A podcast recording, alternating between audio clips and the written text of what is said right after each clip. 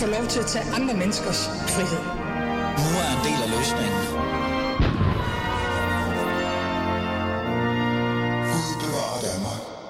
Ja, Gud bevarer Danmark, og velkommen tilbage efter en lille nyhedsudsendelse om, jeg ved ikke hvad, alt muligt øh, andet. Men nu er vi tilbage i Fæderlandets regi, og vi skal tage fat i et emne, som jeg synes er ekstremt, ekstremt vigtigt for Fæderlandet, men også for den sags skyld for, altså for folket.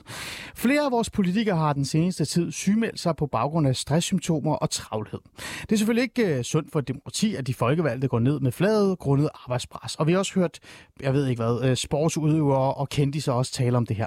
Efterfølgende er de alle sammen blevet mødt med sympati og forståelse fra mig også, altså inklusive mig selv og alle andre danskere. Men noget har plaget mig rigtig meget. Faktum er jo netop, at det ikke kun er vores politikere, vores kendiser og vores håndboldspillere, der er stressramte. Nej, det er vi faktisk nærmest alle sammen.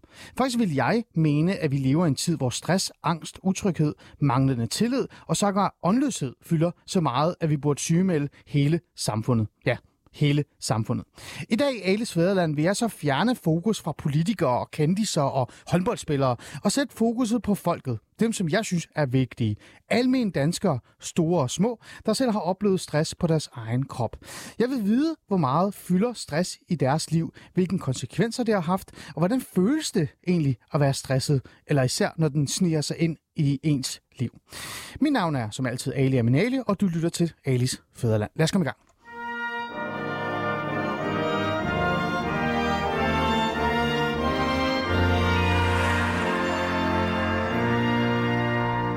Og med denne semi-stressede intro, som jeg ikke selv synes var så særlig stresset, så vil jeg bare lige minde jer om, kære lyttere, at I kunne deltage i samtalen. I kan jo skrive ind på 92 45 99 45, eller skrive på Alis Facebook-side, eller Ali, du mig selv, Ali Ali, eller Alis Fæderlands Facebook-side, og øh, et eller andet kommentar eller andet, så tager jeg det med.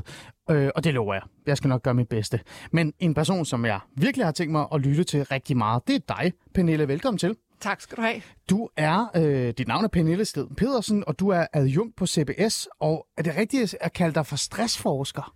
Ja, det synes jeg er et rigtig godt spørgsmål at starte med, fordi hvad er det her med stress? Nu har du brugt stressordet rigtig, rigtig meget, og vi bliver ligesom mere forvirret, end vi bliver klogere, så jeg tror måske, at jeg, at jeg mere forsker i, hvordan kan vi blive bedre til at være sammen i det her samfund, vi lever i lige nu.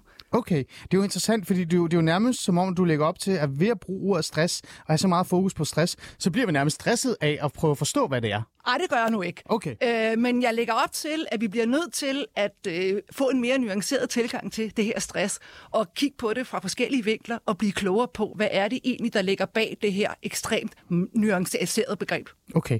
Jeg har jo i dagens afsnit, Pernille, besluttet mig for, at i stedet for at have fokus på politikere og så videre og så videre, så inviterer folket ind i programmet. Mm. Og vi får faktisk rigtig mange øh, lyttere med i programmet, som vi ringer til en af gangen. Øh, men lad os lige starte med et eller andet sted at få et overblik i forhold til det her med stress. Øh, eller i hvert fald et indblik i, hvor mange almindelige danskere faktisk er ramt af stress. Jeg har jo en idé om, at der er rigtig mange. Øh, er jeg helt gal på den? Ej, det er du ikke, og der er rigtig, rigtig meget fin statistik på det her område. Det, jeg nu synes er mest spændende at fokusere på, det er, jeg tror, vi bliver enige om alle sammen nu, at vi har en udfordring, vi har et problem. Det, jeg synes, vi skulle flytte fokus på, det var, i stedet for at kigge på så meget omkring, hvor mange, og hvad er årsagerne, er det nu privatlivet, eller er det nu arbejdslivet, så konstatere, at vi lever lige nu i et, øh, en tid, hvor at vi oplever nogle helt nye udfordringer i forhold til det at kunne være på en arbejdsplads. Og det er nogle af de udfordringer, vi skal trænes til og give os til og hjælpe hinanden til at kunne håndtere. Mm. Og det er noget af det, jeg har været meget, meget optaget af at undersøge med afsæt i, nu kalder jeg det så borgerne, og du kalder det folket, det er sådan set ligegyldigt, men netop med afsæt i, at jeg har været ude og interviewe nu over 200 danskere, der alle har oplevet alvorlig stress på deres øh, krop. Mm. Hvordan mærker den anmeldte dansker så det her, øh, om de så kalder det stress eller ej? Hvordan mærker de det selv? Hvor kommer det fra? Jamen, øh, igen må vi være lidt mere nuanceret. Der kan være helt klart, at du kan have nogle stressende begivenheder i dit liv. Det kan være en skilsmisse, det kan være, hvis du øh, gennemgår et alvorligt sygdomsforløb. Men det, jeg kigger på, det er på en arbejdsplads. Hvordan er det, vi begynder at mærke, at vi er stresset? Hvornår er det, at du, som du i din intro sagde, den lidt stressede intro, men så er alligevel ikke så stresset. Hvornår er det, det begynder at tage over? For mig, der er der en følelse, som er fuldstændig afgørende. Mm. Og det her følelse nu tilstrækkelighed. Når den begynder at dominere alt, hvad du gør. Lige fra du tager afsted om morgenen, og faktisk også når du sover. Når du begynder at føle dig tiltagende utilstrækkelig i form af, hvad du skal gøre på dit arbejde, for eksempel, og også oplever at bebrejde dig selv for det. Mm. Det er der, jeg synes, vi skal være opmærksomme. Hvorfor tror du, og det er jo et stort spørgsmål at stille dig, men vi kan lige så bare komme i gang med det. Hvorfor tror du, at den her utilstrækkelighed er begyndt at fylde så meget for danskerne? Er det fordi, øh, nu kommer jeg med en tese, er det fordi vi danskere måske er begyndt at bevæge os mere over i det, jeg kalder brain power, mm. at vi reelt set arbejder med noget, vi på en eller anden måde godt kan mærke, men vi kan ikke se, at vi gør en forskel? Ej, det vil jeg faktisk ikke sige, fordi øh, det, jeg synes, der er mest spændende, det er den måde, vi går på arbejde på. Vi går på arbejde med det, jeg kalder liv og sjæl. Det er fordi, at for mange er arbejdet bare enormt betydningsfuldt og vigtigt og med til at danne dit identitet. Det er ikke kun i Danmark, det er i, i mange andre lande også. Jeg tror, at når det så er, at det er så vigtigt for dig, det her arbejde, og hvad du præsterer på dit arbejde, når det er vigtigt for den, du er, mm. så er det klart, det bliver mere sårbart. Men El, du må lige jeg, jeg kommer ikke til at sige, at nu skal vi også bare lade være med at tage vores identitet med på arbejde. Hænge, nej, nej. Men jeg tror, vi skal prøve at forstå, at arbejdspladsen er blevet en vigtig del af vores eget værd og vores eget mål, måling af os selv. Mm. Og derfor bliver det mere sårbart. Mm. Interessant. Øh, jeg skal bare lige have noget på plads, fordi jeg er jo faktisk enig med dig, øh, og, og det der med arbejdsidentitet fylder jo rigtig meget, og det er blevet en del af vores, øh, vores liv, vores hverdag. Men, men kan andre ting end kun arbejde ikke også stresse os? Altså nu er jeg far til en 3- og en 6-årig. Det, det er med stress. Det kan du tro. Og det er det, der bliver så spændende at have fokus på. Fordi det, det så gør, det er, når du så ikke har fået sovet om natten, og du føler dig en lille smule også utilstrækkeligt derhjemme. Problemet er så, når du møder ind her på Radio 24 og du kan mærke, at du kan ikke helt levere det, du plejer. Du er ikke helt så skarp, som, det, du, som du plejer. Hmm. Hvis du går fra at bebrejde dig, hvis du går til at bebrejde dig selv for det, og har glemt, at det er fordi, du lige nu er i en periode i dit liv, hvor du er enormt fyldt op, også på hjemmefronten, så er det, at vi begynder at få problemet også på arbejdspladsen. Ah. Og altså den her med, at du begynder at føle, at du ikke kan præstere, som du selv forventer, eller som andre forventer. Hmm, interessant. Øh, jeg er også nysgerrig i forhold til det her med, at vi, vi vil jo gerne have så mange øh, borgere, eller fædrelands øh, borgere i studiet, og vi ringer en op, en af vores lytter op lige om lidt. Men lige før vi går i gang med det, så er jeg også interesseret i det der med, øh, om der er en form for skam forbundet til det her at være stresset. Fordi vi hører jo rigtig meget af det her med, at der nok er en, øh, hvad kan vi sige, et mørketal i forhold til stress, fordi folk bliver ramt af stress stress. Folk bliver ramt af den her utilstrækkelighed, som det hedder, men de taler ikke om det, fordi der er meget tabu, men det kan også, det kan også ende galt for dem i virkeligheden. Der er helt klart mange steder et tabu omkring stress, og det kan vi se, hvor, hvordan at mennesker, der selv har været ramt, oplever en enormt stor lettelse, når der er særligt kendte, der går ud og sætter ord på deres stress. Så er det enormt øh, berigende og faktisk øh, med til at af, aflaste dem, fordi de oplever, at de er de eneste, der har det sådan. Hmm. Så der er helt klart en stigmatisering og en tabuisering, der finder sted, som vi er ved at rykke lidt ved. Hmm. Men der er også, og nu nævnte du ordet skam, som jo er kernebegrebet i min forskning, ja.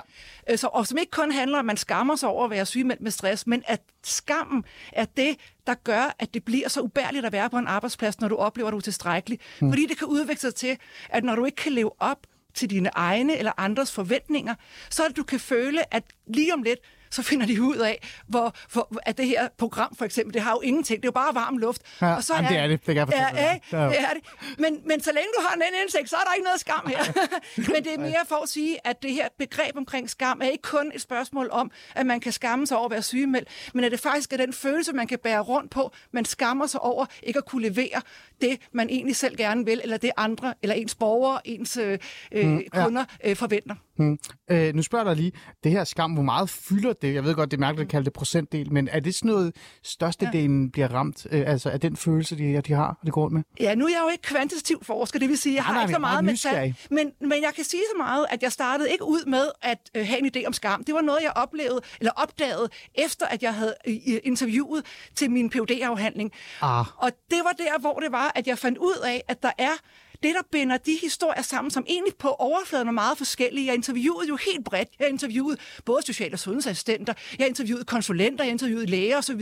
Jeg fandt ud af, at det, der bandt alle de historier sammen, hvor det var endt med en sygemelding på grund af stress, det var, at der var tre følelser til stede. Mm. De følte sig utilstrækkelige, de bebrejdede sig selv for den utilstrækkelighed, og de oplevede, at de stod fuldstændig hjælpeløse over for den situation. Altså, der er ikke, det er bare et spørgsmål om tid, så, så vælter det hele. Ja. Og det var de tre komponenter, jeg til sammen sagde, at det er kernebegreber i det mere overordnede begreb omkring skam. Mm. Og hvor mange der så har det, altså jeg kan kun sige, at jeg dagligt stadigvæk mm. får mails, efter jeg har skrevet mine bøger, fra, fra mennesker, mm. borgere, mm. Øh, der kan øh, genkende den her følelse. Så jeg tror, det er mange, mm. men, men det er selvfølgelig ikke nødvendigvis alle. Og apropos det der med øh, borgere eller personer, som reelt set også har oplevet det, det er jo også en af de ting, der er allervigtigst i det her program. Øh, så lad os få en i, øh, i programmet med det samme. Jeg trykker lige på et par knapper her. Øh, Tine Pedersen, er du med? Ja, det er Tine, Tine Petersen, ja. Ja, pæn goddag. Tak fordi du vil være med, og reelt set også bare tusind tak, fordi du vil fortælle din historie og dele det her øh, øh, med mig og med, med lytterne. Øh, lad os mm. lige få lidt på plads. Hvad er det, du beskæftiger dig med i dagligdagen? Bare lige for lige at få det med. Øhm, jeg, er, jeg er forfatter. Jeg er lige udkommet med en bog, der hedder Dukkesamleren, øhm, og har været selvstændig i, i kulturbranchen i mange år, men øh, ja, nu er jeg altså forfatter på forlaget Grønning 1. Okay, godt. Så er det lidt på plads, fordi det er jo det der i forhold til arbejdsidentitet, som Pernilla og mig netop har snakket en lille smule om. Øh, kan du ja, fortælle præcis. egentlig, uh, Tine, hvordan du har oplevet uh, det her stress? Ja, første gang jeg fik stress, der, der var jeg også selvstændig. Jeg havde en stor øh, madfestival, og øh, det var i 2016. Det, øh, det startede som sådan nogle fysiske symptomer. Altså, jeg kunne ikke mærke min ene arm. Øh, jeg var hele tiden svimmel, øh, havde ondt i hovedet. Øh, mit åndedrag blev ligesom sådan, hvis du kan forestille dig, snævrere på en eller anden måde. Altså mindre, simpelthen mindre plads til at trække vejret. Mm. Øh, et hjerteslag, der, der føltes meget tydeligt, og som sådan rykket højere op i brystkassen og ligesom slog på, slog på brystbenet indenfra. Altså meget fysiske symptomer. Mm. Men øh, fordi jeg jo var, som sagt, selvstændig, og jeg havde også nogle medarbejdere og nogle praktikanter og et temmelig stort event, jeg skulle afvikle, så, så kunne jeg ligesom ikke stoppe op og, og, og tage hånd om det, vel? Mm. Så, øh, så det, det, blev jo det blev selvfølgelig værre, og det blev... Øh, mm. Ja, det fik, det fik virkelig tag i mig, vil jeg sige. Øhm, og da så festivalen var, var afviklet, så, øh, så, så, ja. Ja, så havde jeg en periode, hvor jeg, hvor jeg havde det skidt. Altså, mm. hvor, hvor de her fysiske symptomer øh, fik mere kraft. Altså, jeg var virkelig svimmel i lang tid, og øh, mistede min appetit og mm. tabte mig og havde det, havde det skidt. Mm. Øhm, øhm, og det er jo sådan... Ja. Nå, undskyld, ja. Jamen, jeg, jeg, jeg bare tage videre. Jeg er bare nysgerrig. jeg vil bare sige, at det, det er jo også det, med, det djævelens ved stress, at når man har haft det en gang, så har det jo nemmere ved at, at komme op til overfladen og bide fast i en igen. Mm. Øhm, og, og, og altså for eksempel nu her øh, i morges har jeg gået og tænkt lidt over, at jeg skulle tale med dig, og jeg tænkte over den der gamle periode der, kigget på nogle billeder, og, sådan, og ved du hvad, så kunne jeg simpelthen mærke nogle af de der sådan bitte, bitte små, og jeg har overhovedet ikke stress nu, jeg har det så godt, og jeg er så glad og har det fedt, men alligevel så kunne jeg mærke sådan, uh, det var jo sådan, jeg havde det, uh, det var så ubehageligt at tænke på, fordi mm. stress er jo også, øh, nu har jeg lyttet til din øh, forsker og alle de kloge ting, hun har sagt, men ja. stress er jo også noget med, synes jeg, at man, man mister kontrollen, og man ved ikke, hvor lang tid det tager, inden man er sig selv igen. Og første gang, jeg havde det, vidste jeg slet ikke, bliver jeg nogensinde mig selv igen? Mm. Altså, jeg var selvstændig, og jeg boede alene med et barn, som mm. jeg ligesom skulle sørge for havde øh, smør på brødet hver dag, så det var utrolig angstprovokerende. Mm. Jeg, gen, jeg genkender ikke det, din forsker sagde med skam. Jeg kan forestille mig, at der er mange andre, der genkender det, men for mig ligger der så mere noget, altså simpelthen noget angst og noget usikkerhed til, fordi der er så mange hmm. ubekendte, når man får det dårligt, ikke? Jo, det kan vi lige spørge efterfølgende, men jeg bliver lidt nysgerrig i forhold til, hvordan blev du så mødt? Altså, for det første, øh, Tine, fortalte du det overhovedet til nogen? Fortalte jeg det til nogen? Øh, jeg har jo, det har jeg jo nok gjort til mine øh, medarbejdere, som ligesom var nødt til at... Altså, jeg blev simpelthen nødt til at tage en periode, hvor jeg, hvor jeg trak mig lidt, og hmm. hvor jeg hvor jeg skruede ned for mit, hvor jeg skruede ned for mit arbejdstempo. Hmm. Så jeg har jo nok sagt det til dem, fordi de så ligesom var mm. nødt til at holde skansen en periode, men ellers, altså jeg tror ikke, jeg sådan... Nej, det tror jeg egentlig ikke, at jeg lavede et eller andet kæmpe opslag på Facebook eller et eller andet. Nej, men jeg tænkte familiemedlemmer jeg eller andre, øh, som du sådan delte det her med, den her. Nej, jeg tror ikke, jeg fortalte, jeg tror ikke, jeg satte navn på at sige, jeg har stress. Jeg tror mere, at jeg øh, fortalte, at jeg havde de her fysiske symptomer. Jeg, jeg tror, det var... Øh, jeg tror ikke rigtigt, at jeg kunne lave koblingen på det tidspunkt til, at, at at det var stress, vi skulle kalde det. Jeg har nok bare sagt, at jeg har altid ondt i hovedet, og okay. jeg er så frygtelig svimmel for tiden, og jeg kan ikke mærke mine arme. Altså fordi, hmm. jeg, havde, jeg tror ikke, jeg havde forstået, at det var det navn, der skulle sættes på. Okay, øh, interessant. Øh, hvordan var egentlig bare lige kort, øh, hvordan var reaktionerne i forhold til dine medarbejdere, da du fortalte dem, at øh, nu, går, nu går chefen skulle lidt ned med stress, men det skal nok gå? Ej, de var så søde, altså hammer søde. Det, det var, det, pissegodt øh, lille hold, jeg havde der. Altså, mm. De var rigtig flinke, og de øh, var nogle totale øh, champs, som bare... Øh, jamen, altså, fortsat okay. med det, de skulle. De var dygtige. Det er en lille virksomhed, der har alle mange kasketter på, og alle er gode ja. til mange ting, så man er god til at dække ind for hinanden, hvis der er nogen, der er ukampdygtige i en periode. Okay, cool. Øhm, her til sidst, før jeg siger tak til, til, til dig, Tine Pedersen, for at komme og dele din de historie omkring dine oplevelser i forhold til stress. Øh, den her mm. øh, utilstrækkelighed, eller den her, det her med, at man på en eller anden måde er bekymret og bange for, at man ikke kan leve op til forventningerne øh, på arbejde, mm. men også generelt. Var det også noget, du kunne mærke, som gjorde, at, øh, at, at øh, du måske have svært ved at håndtere det? Øhm, jeg ved ikke så meget, om, det var, om jeg var bange for at leve op til forventningerne. Det var måske mere sådan, du ved, en eller anden angst for, altså hvad hvis jeg ikke kan komme op på mit niveau igen? Hvad skal jeg så gøre? Altså, hvordan skal jeg ligesom give mit barn øh, mad? Hvad skal jeg så finde på? Hvad skal plan B være? Jeg havde ikke nogen plan B. Øhm, så og nu mistede jeg lidt troen på, hvad det var, du spurgte. Men Jamen, i det, var, fald, det var præcis så, det der med, hvad, hvad det var, sådan, du et eller andet sted, sådan, ja, altså, hvad det var, der gjorde, at, Øh, altså om det var utilstrækkelighed på arbejde, at du var bange for, at du ikke kunne nå dine mål osv. Sådan noget. Var det det, der fyldte allermest, eller var det ting, du Nej. ikke rigtig kunne lægge, sætte ord på, Nej. men alligevel var stresset?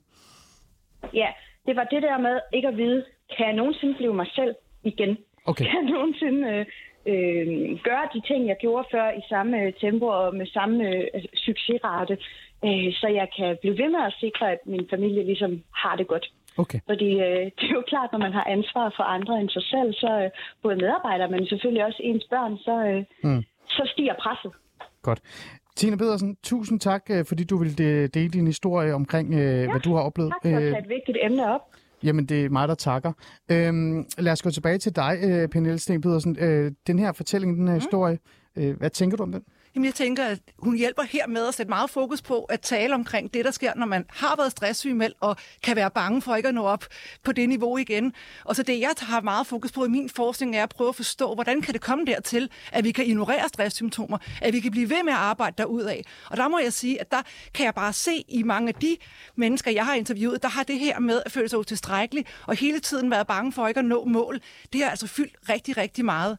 Jeg synes, at øh, der er blevet sagt noget rigtig spændende omkring det her med at bide sig fast. Hmm. Det synes jeg er rigtig... Hvorfor er det interessant? Jamen, det er fordi, jeg synes, det er sådan en fin beskrivelse. Jeg vil ønske, at jeg selv havde kunne, kunne formulere så godt, men øh, nu låner jeg så lytterens øh, gode formulering, at vi, jeg tror ikke på, at vi skal prøve at gå efter at undgå fuldstændig stress, for det tror jeg ikke, vi kan. Hmm. Men vi skal undgå, at det bider sig fast. Hmm. Og det er her, jeg i min forskning har meget fokus på det forebyggende.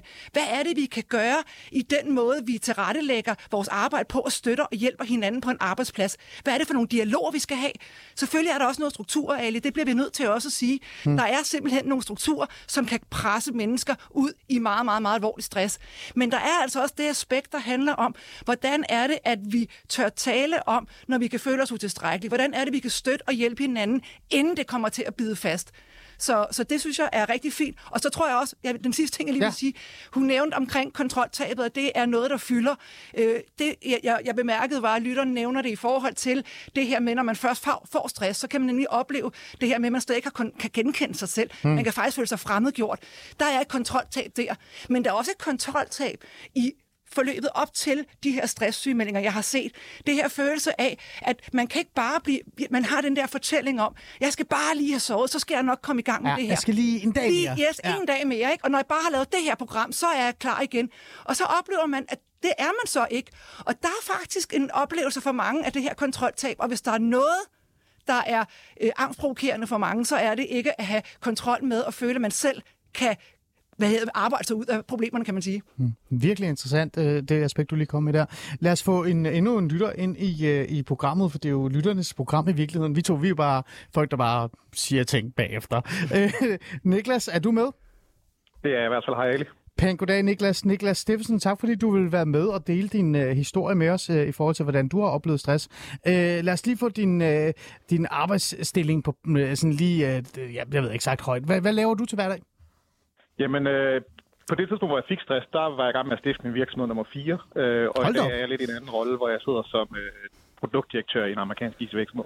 Okay, godt. Så er det på plads. Det virker som om, der er mange iværksættere, der bliver ramt af stress, men det, det har vi faktisk også... ja, det, samme. Ja, det har vi faktisk også fået øh, et eller andet sted også bekræftet. Det kan jeg huske en, en anden artikel, der også var ude. Øh, Niklas, nu skal det handle om dig og ikke mig. Kan du fortælle øh, kort sagt, hvad det var, der skete? Hvordan, øh, hvordan blev du ramt af det her? Det kan jeg sagtens. Øhm, for jeg tror, stress er altid en, en blanding af mange faktorer. Øhm, jeg begyndte at få noget så specifikt som ondt i spidsen af min tunge. Og det gik jeg med i nogle uger og tænkte, hvad fanden kan det her være? Og så googlede jeg ondt i tungen, øhm, og så noget af det første, der kom op, det var, øh, prøv lige at tænke over, om du har stress. Okay. Øhm, og der, øh, der ramlede min verden lidt, fordi det var jeg, det var jeg vidste med det samme, jeg så det, det havde jeg. Men jeg havde ikke tænkt over det, før jeg googlede det. Okay. Øhm, og for mig var det, jeg tror sådan 20 nu har jeg snakket lidt om det her med at skulle nå mål og så videre tidligere i, i programmet. Øhm, og som iværksætter, og især når man har lukket venturekapital, jamen, så er der nogle meget, meget store mål, man skal, man skal nå. Man skal reelt set forrente andre folks penge med 10x, og forhåbentlig selv komme godt derfra også. Og det var jeg i gang med at gøre for fjerde gang i mit liv. Jeg startede min første virksomhed, da jeg var 16. Jeg lukkede venturekapital første gang, da jeg var 21. Øh, Jeg var 32, da jeg blev ramt af stress. Hmm. Øhm, og jeg vidste bare med det samme, at jeg i hvert fald for en periode skulle skifte spor fuldstændig. Mm. Øhm, der var også sket det i mit liv, at- en virksomhed, jeg startede, var blevet solgt. Så efter en opvækst med en, en pædagogmor og en pedelfar øh, uden nogen penge overhovedet, øh, var jeg egentlig økonomisk uafhængig resten af mit liv. Og det kan lyde, lyde super øh, forkælet at sige, at det fik jeg sgu stress af. Mm. Øhm, men det var sådan en realitetsændring for mig, øh, som gjorde, at jeg lige pludselig ikke vidste, hvad, hvad fanden er, hvad, ja, egentlig hvad er min identitet i alt det her. Fordi jeg behøver slet ikke lave det, jeg laver lige nu. Hmm. Og hvad laver man så? Ja, det er jo det. Er jo det. Øhm, øh, det her med, at, øh, at på en eller anden måde, at stress er også forbundet med, med tabu og med skam osv. osv. Mm. Øhm, hvordan blev du egentlig mødt, og fortalte du det egentlig til nogen, at du, du faktisk var, ja, stod i den situation, du stod i? Øh, for det første tror jeg, det, det er helt rigtigt, der er masser af taber og skam om det her, og jeg tror endnu mere inden for selvstændig iværksætteri, fordi i bund og grund er det jo ens fag, der gør en syg, og ens identitet er tit og ofte bundet op i det at være iværksætter, fordi det fylder så meget af ens liv, ikke? Hmm. Ja. Øhm, så, så jeg stod lige og tænkte tilbage på det før, mens, mens jeg lyttede til programmet, og jeg kan huske, jeg fortalte ikke folk, at jeg havde stress. Jeg husker, jeg fortalte folk, at jeg fik symptomer på stress. Ah, Og det, Okay. det er jo sådan en formidling af, af historien, ikke? Øhm, i, I stedet for at tage hele tabet om, fuck mig, jeg er egentlig ramt af stress, og jeg bliver nødt til at stoppe med at arbejde lige nu og her, mm. og finde ud af, hvordan jeg kommer videre. Hmm. Så var det sådan, ja, jeg har det lidt småt dårligt, jeg har fået symptomer på stress, så derfor så har jeg taget den her store beslutning i mit liv. Hmm. Øhm, okay. og, og, og, og i dag er det en anden historie, jeg fortæller, ikke? Fordi i dag er det lettere for mig at sige, at jeg blev faktisk stressramt, og her er alle grundene til det, og sådan her kom jeg videre, ikke? Ja. Øhm, hvordan, hvordan kom du egentlig videre? Lad os lige få det på plads. Jeg er bare lige skarp, fordi en af de ting, som jeg synes, der ja. er meget øh, fokus også, og det er måske, fordi vi er så løsningsorienterede, når vi ender i sådan noget her, det er det der med, hvad gør man så, øh, hvis man øh, ender i sådan en situation? Øhm, øh, hvad, hvad, hvad gjorde du? Hvad virkede for dig? Øhm, for det første tog jeg selvfølgelig et, et kald med det samme med de to, jeg havde virksomhed med, øhm, og meldte klart ud, og det tog de heldigvis rigtig, rigtig godt imod, at, at jeg skulle ikke fortsætte. Det vidste jeg med det samme, samme dag, som at jeg havde fundet ud af, at jeg havde stress.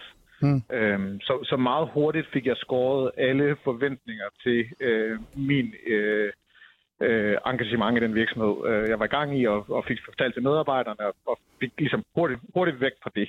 Okay. Øhm, og så endte jeg med at tage øh, næsten et år fri, øh, som jeg jo var heldig og privilegeret at kunne, øh, hvor jeg jo så også heldig og privilegeret havde en sundhedsforsikring, hvor jeg gik til noget psykolog.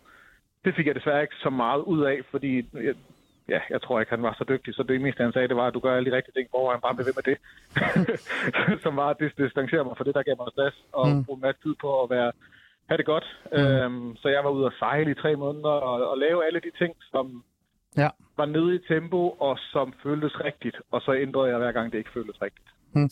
Øh, her til sidst, før jeg siger tak, fordi du vil dele din historie, Niklas, så er jeg lidt nysgerrig i forhold til det her med strukturer og, og rammer, og også vores arbejdsidentitet, og den, den pres, vi kan være på i forhold til sådan at præstere i virkeligheden. Og grund til at sige det, det er, fordi jeg har fået en gæstestudie, som vi netop også skal tale med det om lige om lidt. Øh, hvad tænker du egentlig om det? Altså, øh, har det, øh, har det spillet en, en faktor for dig, tror du, det der med vores, den kultur, vi også har fået i forhold til vores arbejdsidentitet og, og det, det race, vi er endt i?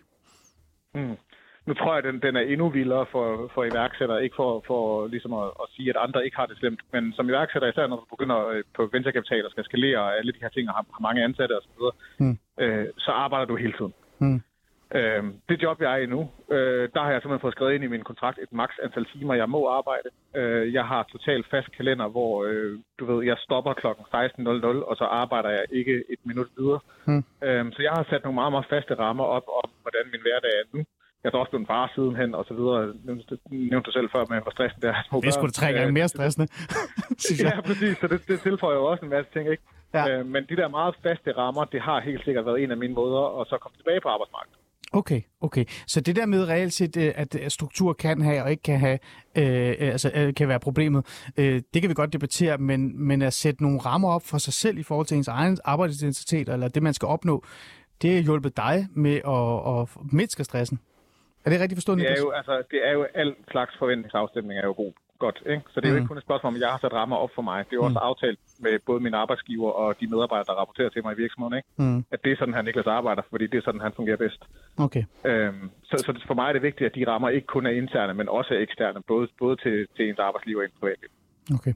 Niklas, tusind tak, fordi du vil dele en historie øh, med os. Det, det er jo lidt, svært, men tak for det. Øh, Det kan være, det kan hjælpe nogle andre. Så tusind tak for det, Niklas. Ja, lige præcis. Goddag.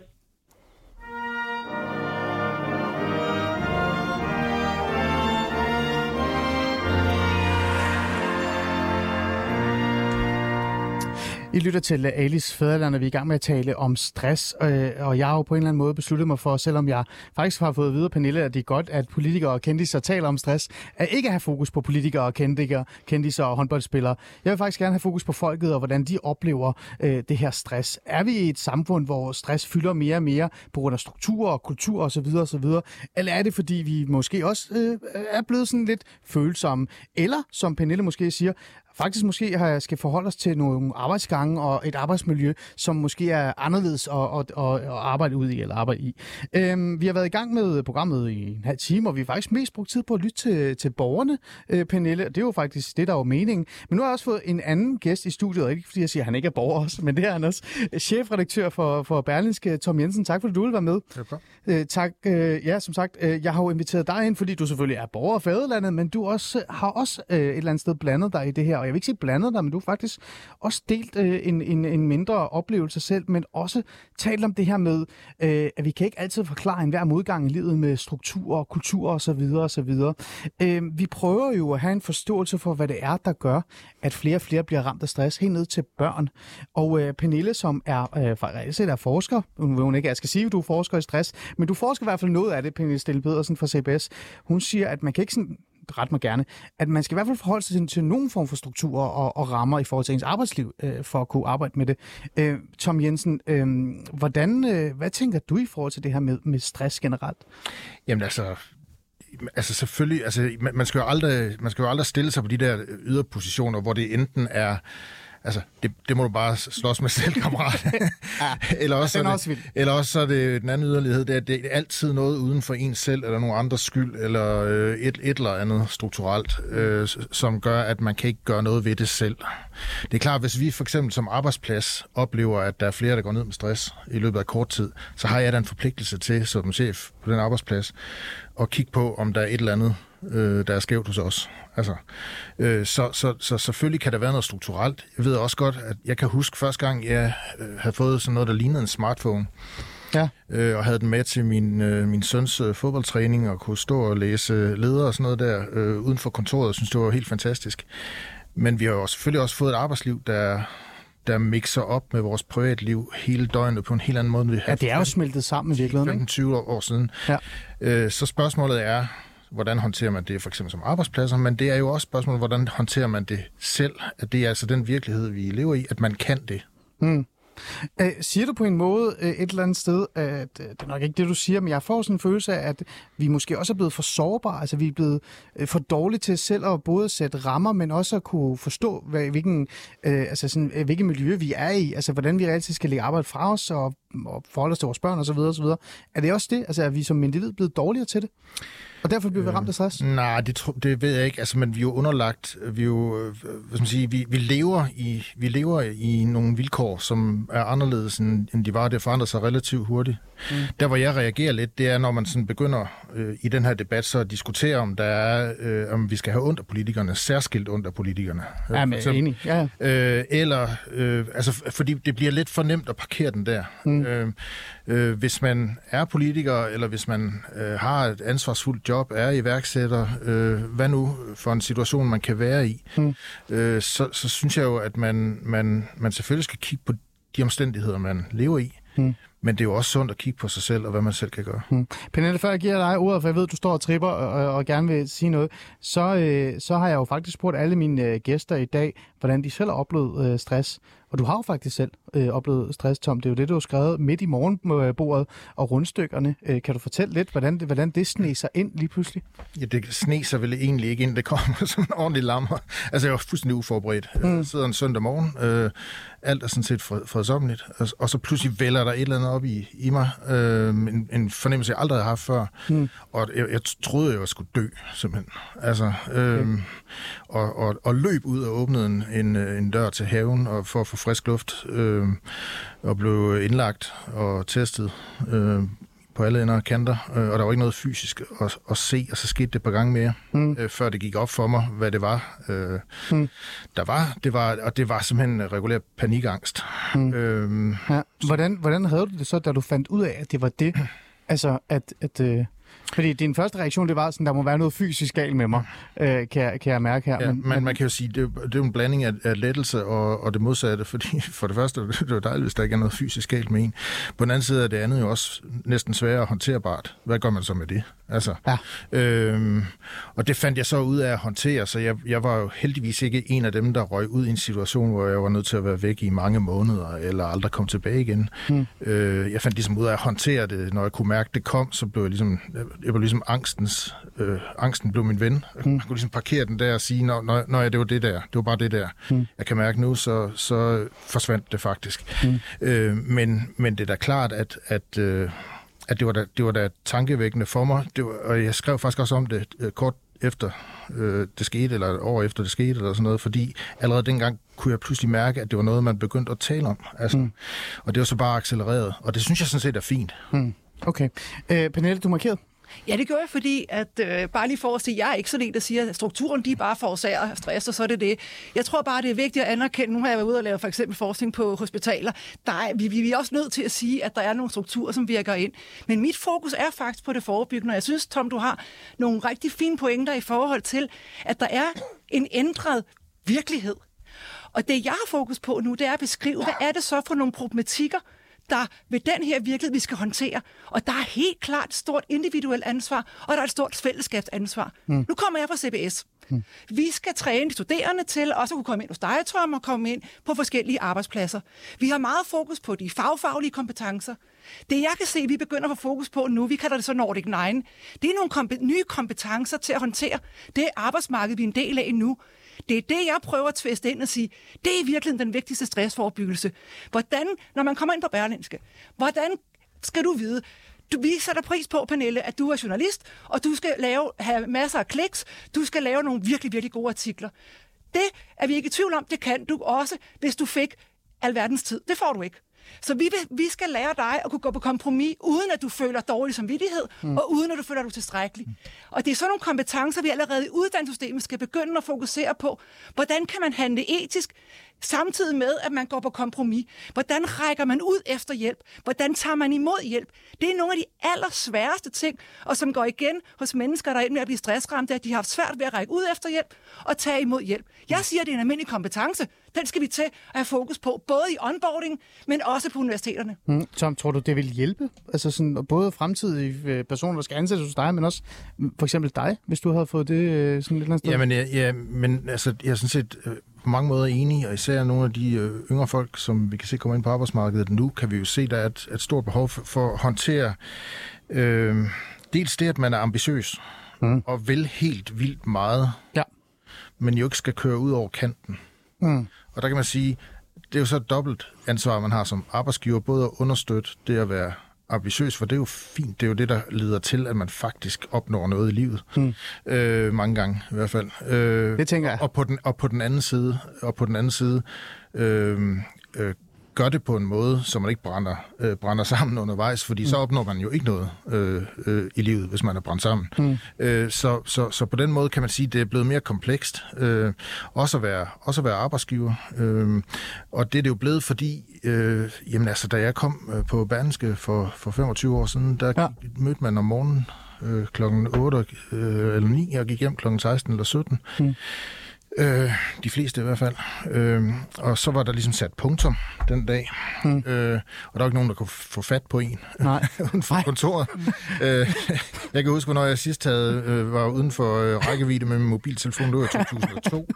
Hold da op, det er lang tid siden. Øhm, så, så det er selvfølgelig nogle totalt ændrede vilkår, som vi er nødt til at tage bestik af. Mm. Øh, men samtidig, så tror jeg bare, at man gør klogt i, øh, som menneske, også Ja. at sige, at det er altså også mig i det her. Altså, jeg tror, jeg... Man har også selv et ansvar, det er du Ja, at sige. ja, eller et ansvar. eller Det, det handler, også, hvem man, handler også om, hvem man er, og mm. at blive klogere på det. Jeg tror, jeg, for nu at være helt ærlig, er sådan lidt småneurotisk øh, øh, type, øh, som måske har anlæg for, for, at, og, for at blive sådan, altså for sådan lidt nervøst anlagt på, Ja. på nogle områder. Ikke? Ja. Øh, selvom øh, det skulle man ikke tro, øh, Nej, nej. øh, at, at chefredaktør og sådan noget kan være, men det kan man sådan set godt. Ja. Øh, men så bare blive, altså forsøge at blive lidt klogere på det.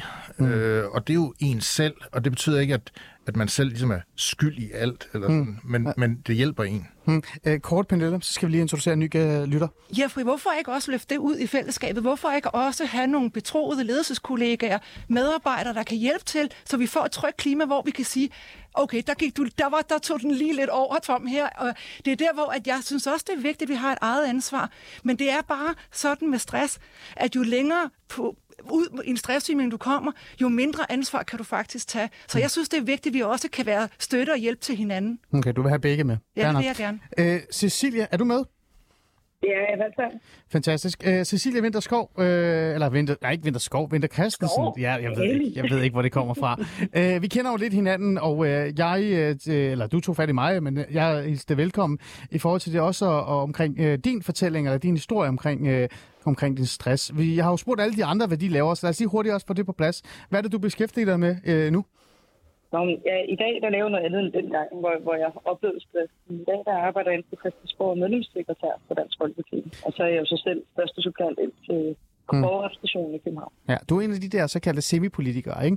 Det, jeg synes, der var interessant ved dig, det er jo også, du er den nye generation. Det er, Altså, øh, jeg vil kalde det Ja. ungdommen, ikke? Det må, du, det må du godt tage imod. Øh, Cecilia, hvordan øh, oplevede du øh, stress? Hvordan kom den og ramte dig? Jamen, jeg kan huske, det, er- det er nok en af de 6-7 år siden. Øh, og det, var, det er også det, jeg synes, det var også var fedt at få med omkring, når man siger ungdommen. Jeg kan huske, at der var, altså, mine ressourcer var ikke nok i forhold til det krav, som der var til mig. Øh, både der var studiet, så var der vennerne, øh, jeg skulle huske min træning, øh, jeg skulle have gode karakterer, så havde jeg en mor, der var psykisk syg ved siden af, som krævede rigtig meget af mig, og så samtidig med, at jeg skulle arbejde. Øh, og jeg kunne ikke sige nej. Og det er aldrig noget, vi har snakket om, fordi jeg kommer fra en familie, hvor man fik at vide, du arbejder bare på, og så kommer du videre. Og det er ikke noget, vi snakker om. Hmm. Øhm, og jeg tror, det var det, der ramte mig på det tidspunkt, og jeg kunne mærke, at mit, mit forhold i sin tid, det gik jo også et stykke af det, fordi jeg kom ind i sådan en depressionslignende tilstand. Jeg blev hurtigt, virkelig hurtigt ked af det. Der skulle ikke meget til, for jeg brød sammen. Hmm. Alt virkede fuldstændig. Hmm. Ja, Vi taler, vi taler meget om det her med struktur, øh, øh, eller generelt, hvordan man kan hjælpe øh, individet. Øh, der er noget i forhold til nogle rammer på arbejdspladsen, men også noget ansvar, man selv skal tage, som øh, Tom Jensen også er inde på her.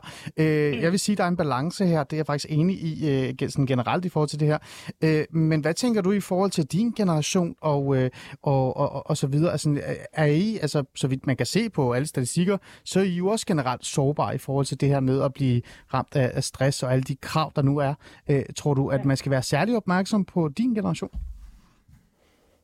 Ja, på en måde. Og alligevel ikke, vi er meget bedre til at tale om det i dag. Og det er det, jeg synes, der var... Bare se nu, du har den her time, hvor du også snakker om stress, og de her politikere, der kommer ud med det, siger, at de har stress. At jo mere vi taler om det, jo mere aftabuiserer vi det. Øh, men, men jeg kan godt frygte, når jeg ser børn. Der, jeg har jo tit snakket med nogle veninders børn, og siger, at jeg er også stresset. Hvor jeg helst sige, nej, du er ikke stresset, du har travlt. Men man kan godt misbruge ordet. Og, og det er jo det her med, at Hmm. jo mere vi siger, at vi er stresset, kan jeg også godt være nervøs for, at man bliver stresset. Hmm. Øh, Altså, vi og- og er- udvander begrebet også. Er det det, du prøver at, at, at påpege Ja, for det er stress er jo virkelig forfærdeligt, og der er mange komplikationer med det, hvis vi ikke reagerer hurtigt på det. Det Mm. kunne jeg jo selv mærke. Mm. At, at mit problem var jo også, at jeg var en pleaser, og vi er mange, der er pleaser. Og det er det, der er svært ved at sige nej, og som, som I siger også, at der skal jo være en balance og noget struktur. Okay, interessant. Øh, Pernille, hvad, hvad tænker du i forhold til det her? Øh, det her med, at, at, der, at det, det er jo lidt specielt det her med unge, altså den nye generation, ikke? Ja. Og, og de har også, øh, Tom, du må godt rette mig, de har også måske lidt svært ved at, at finde deres fodfæste på arbejdsmarkedet, fordi de kommer fra en, en, anden, en anden kultur, end det vi, vi ældre er- kommer fra. Ja, nu har jeg netop forsket i den her yngre generation, og jeg er nået dertil, hvor jeg må sige, at øh, arbejdsmarkedet skal til at give sig på ny til det ledelsesbehov, der følger med. Det er særligt behovet for at få en tættere ledelse, en mere synlig ledelse, have fokus på anerkendelse. Øh, man kan sige, at hvor den ældre generation, der har man måske en dømmekraft, og man kan ligesom hvile i, og her gik jeg på kompromis, og det var godt nok.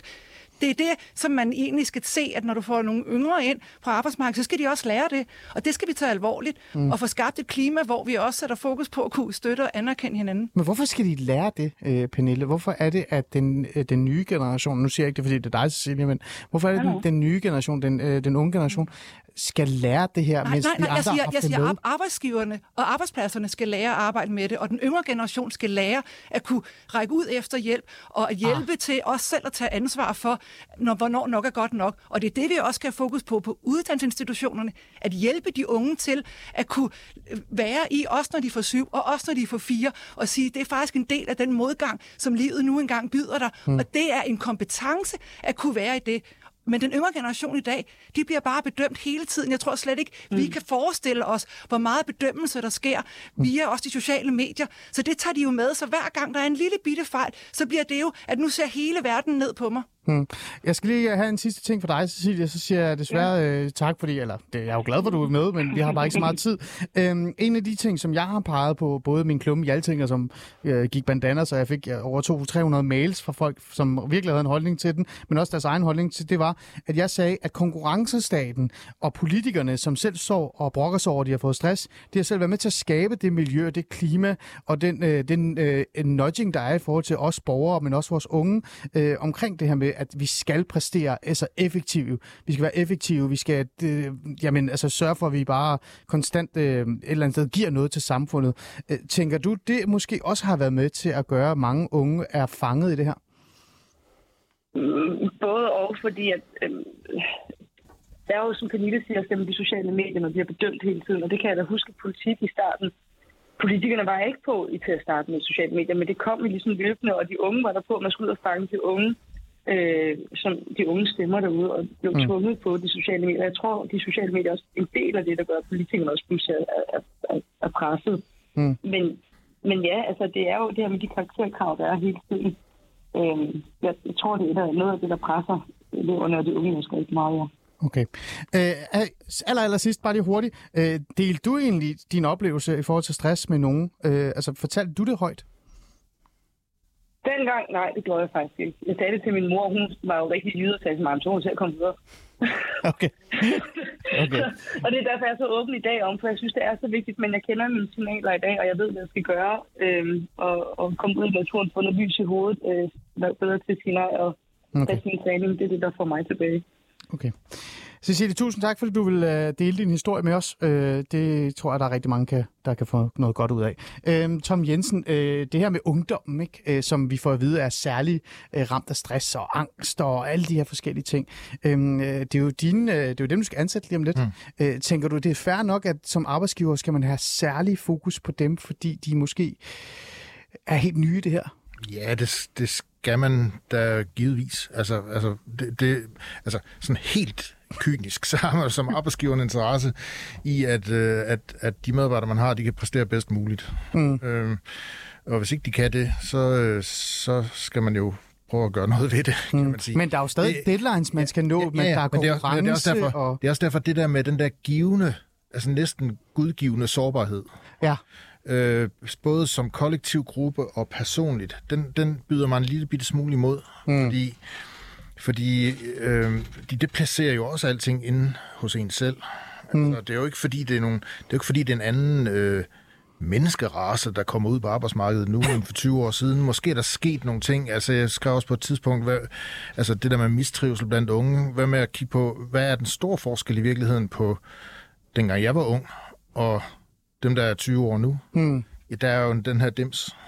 I hånden med sociale medier. Konstant dims i hånden. Ja. Altså, det, altså, ellers er der jo rigtig, rigtig mange ting, der ligner hinanden. Men, mm. men lige præcis det ligner overhovedet ikke noget, jeg kendte i min ungdom. Mm. Øh, så, så, så når vi sådan snakker øh, øh, årsagssammenhænge, øh, så tror jeg, det, det er jo værd at blive klogere på, sådan at vi ikke øh, går til for eksempel øh, den unge generation, på en måde, så vi ender med at sådan behandle dem som rådne æg. Eller sådan. Altså det, det synes jeg vil være virkelig synd, fordi det er jo netop det, er jo netop det du øh, sagde før også. Det er jo jamen altså, det er sådan set et vilkår i livet, at man lider nederlag, hmm. at der er modgang, man møder idioter, øh, øh, ikke alt lykkes. Man er nødt til at gå på kompromis. Man ville gerne 13, men man fik kun... Øh, øh, altså, man ville gerne Syv. top... Ja, Ja. ja. Nu, ja, som du kan høre, det er den gamle skala. Jamen, det er Øhm, derovre. Men, men øh, og, og, og- og det at få, at få det på bordet og få, få snakket om det, tror jeg måske er en god vej frem. Ja, Pernille, kort før vi siger øh, velkommen til den sidste lytter. Jamen, jeg er, ikke, jeg er nok ikke enig i, at det kun er demsen. Der er også sket noget i forhold til, at vi bliver bedømt og evalueret, uanset hvad vi gør. Og det er uanset, om vi er unge eller ældre. Og det er, er skal vi hjælpe hinanden til at kunne håndtere. Og så taler jeg meget om, at vi skal træne den her robusthed. Så jeg er sådan set enig i, i, i der, hvor du gerne vil hen. Men jeg tror ikke, vi gør det ved at sige, nu skal du ikke føle, som du gør, og I også skal også bare tage jer sammen. Jeg tror, vi gør det ved at forstå, hvad det er, der kendetegner den sårbarhed, og hvordan vi kan få omformet den til en form for robusthed, hvor vi kan træne det at kunne modstå, når livet ikke lige byder på succeser hele tiden. Kasper, er du med? Jeg er med, ja. Pænt goddag. Tak fordi du var med. Kasper Jespersen, du er... altså, Jeg kender dig, Kasper. Det bliver jeg nødt til at sige. Er det rigtigt, så er det på plads. Du har faktisk uh, sørget for, at jeg har tabt mig nogle kilo, så jeg ikke går rundt og er så stresset. I hvert fald over det i virkeligheden, ikke? Uh, kan du fortælle, hvad du laver uh, professionsmæssigt? Jamen, jeg er selvstændig iværksætter, som øh, der har været et par stykker inden før. Jeg er personlig træner og ejer et træningscenter i Aarhus med 14 ansatte. Yes. Så Grund et, til... øh, et godt mix. Ja, et, et godt mix. Ja. Øh, og grunden til, at jeg faktisk øh, øh, øh hvad hedder det, jeg tog fat i dig, fordi du også selv skrev øh, i forhold til det her, det er jo, at du både øh, sagde, at du har oplevet det personligt, men du arbejder også med det. Fordi der er også flere og flere for at øh, og, altså sådan et eller andet sted komme, øh, hvad kan vi sige, komme til livs med deres angst og deres stress osv. osv. Der begynder at træne mere og mere og mere. Så bare lige hurtigt starten øh, kort. Kasper, har du selv oplevet det her med at blive ramt af stress? Jeg har selv oplevet det, øh, og jeg står i samme situation eller samme øh, sted, som Tom fortalte før, det her med, at pludselig rammer det. Og pludselig er nok nok. Øh, Og det er egentlig det, jeg synes, der er så interessant, at, at det, det er meget, meget sjældent sådan en single factor, der gør, at vi bliver stresset, hvis det ikke er et, et stort dødsfald eller noget mere familie. Mm. Men det her med, at glasset pludselig er fyldt op, og det er en, en blanding af præstationer, og det at skulle øh, bestå, og hele den her skaleringsverden og iværksætterverden, og vi skal have gazellepriser, og vi skal med i løvens hule, og vi skal vokse, og vi skal skalere. Dit og dat, ikke? Mm. Øh, den her jagt efter konstant det næste mål. Og når man er ambitiøs, som der også bliver nævnt, og man er målrettet, og man er konkurrencedrevet, som jeg er, så er det næste mål jo hele tiden foran en. Det vil sige, lige snart man opnår et mål, så er der sgu et nyt mål foran ens næse, Mm. ikke? Ja. Øhm, så jeg tror på, at, at min egen historik, det egentlig bunder i, jeg kan ikke sige, at det var fordi, at der skete det, eller der skete det, eller der skete det, men det er egentlig kombinationen af, at glasset blev fyldt. Mm. Jeg bliver nødt til Der lige var at... en virksomhed, der voksede, og jeg fik børn på samme tid, og ja. øh, skulle det hele på samme tid, ikke? Jo. Jeg bliver nødt til lige at stille dig et hurtigt spørgsmål, øh, før vi går videre. Jeg ved godt, det bliver lidt, øh, det bliver lidt kort, øh, dit svar, øh, men, men øh, Tom er jo også lidt inde på, som jeg også er selv enig med, øh, at der er også noget individets ansvar her. Kan man ikke også sige, at du måske selv burde have trukket nogle streger i sandet, burde have sagt, den der gazelle, den kan godt vente, øh, det går da fint med mit øh, træningscenter, jeg har de kunder, jeg skal have, nu skal jeg altså lige slappe lidt af. Er der ikke også, øh, har du ikke også selv noget ansvar? Uden tvivl. Uden tvivl. Det er ikke øh, kun samfundets ansvar, det her mener jeg. Jeg mener også det er individet. Øh, Jeg mener ikke, det er kun er den ene eller kun den anden. Øh, Udfordringen ved stress, det er bare, at det er så svært at mærke. Det er så svært at måle. Mm. Og hvis jeg brækker armen, så er jeg ikke i tvivl om, den er brækket eller skal gips på, det går ondt. Ah, Stress, Okay. okay. det kommer og går. Det er, øh, det er svært at styre, hvornår jeg er syg nok til at sige, nu, nu cutter jeg den, som den tidligere iværksætter fortalte om. Mm. Øh, skal man derud, hvor Tom han er, hvor man bliver til at åbne havedørene for luft og er tæt på at skulle på hospitalet eller komme på hospitalet? Mm. Eller at det den morgen, man vågner og har det skidt? Hmm. Kasper, du arbejder jo også, som du selv sagde, du, du, er, du har din eget øh, hvad hedder, fitnesscenter, kan man jo sige. Du arbejder med øh, øh, personlig træning, øh, og jeg ved jo, at du har en masse mænd, og også sågar kvinder, der kommer igennem med en masse forløb hos dig. Oplever du også øh, flere, altså flere øh, nu tager vi bare mændene for eksempel, der kommer til dig og øh, gerne vil tabe sig, men faktisk slås med andre ting end det? Ja, det gør jeg. Jeg arbejder primært med mandlige topledere, og jeg vil øh, påstå, at øh, jeg har aldrig mødt en mandlig topleder, som ikke har været påvirket af stress. I den ene eller den anden grad.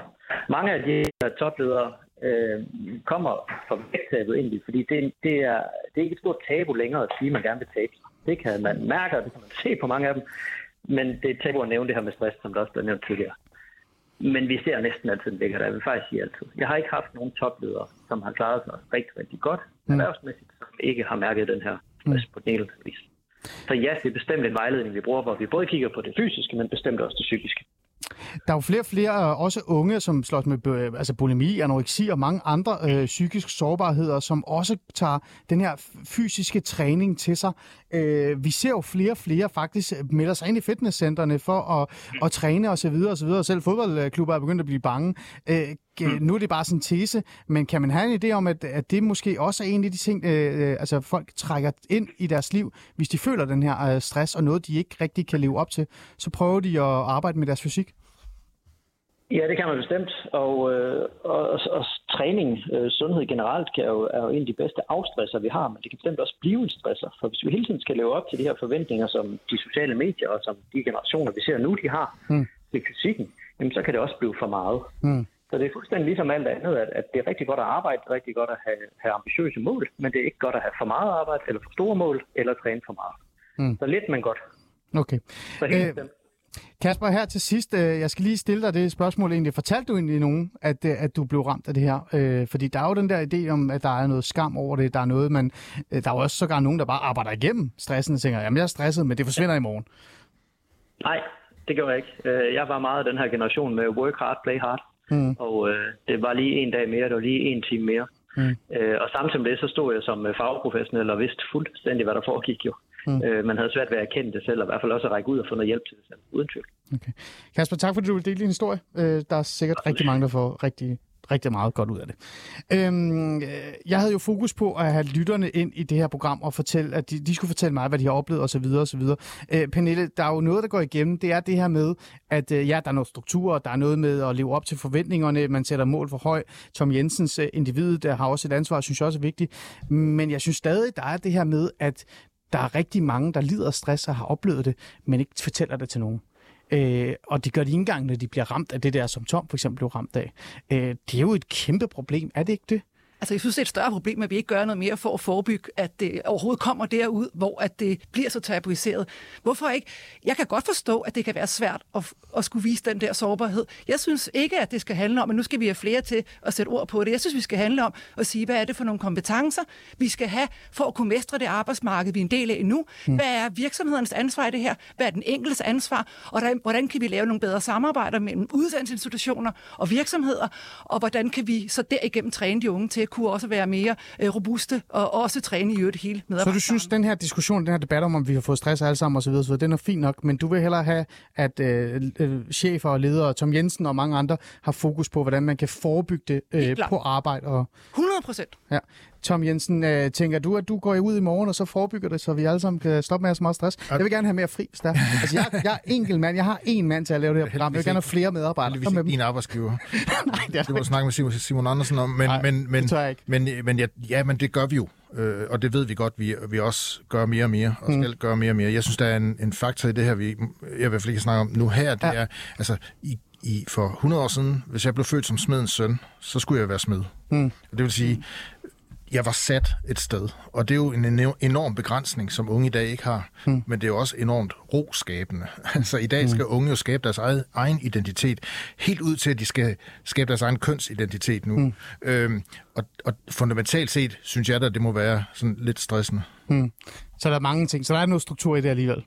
Tom Jensen, tusind tak, fordi du vil komme og hjælpe mig med at sætte ord på det her. Pernille Sten Pedersen, tak fordi du vil komme og sætte ord på det. Til jer lytter og til jer, der, øh, der ringede ind, tusind tak til jer også. Nu er der nyheder.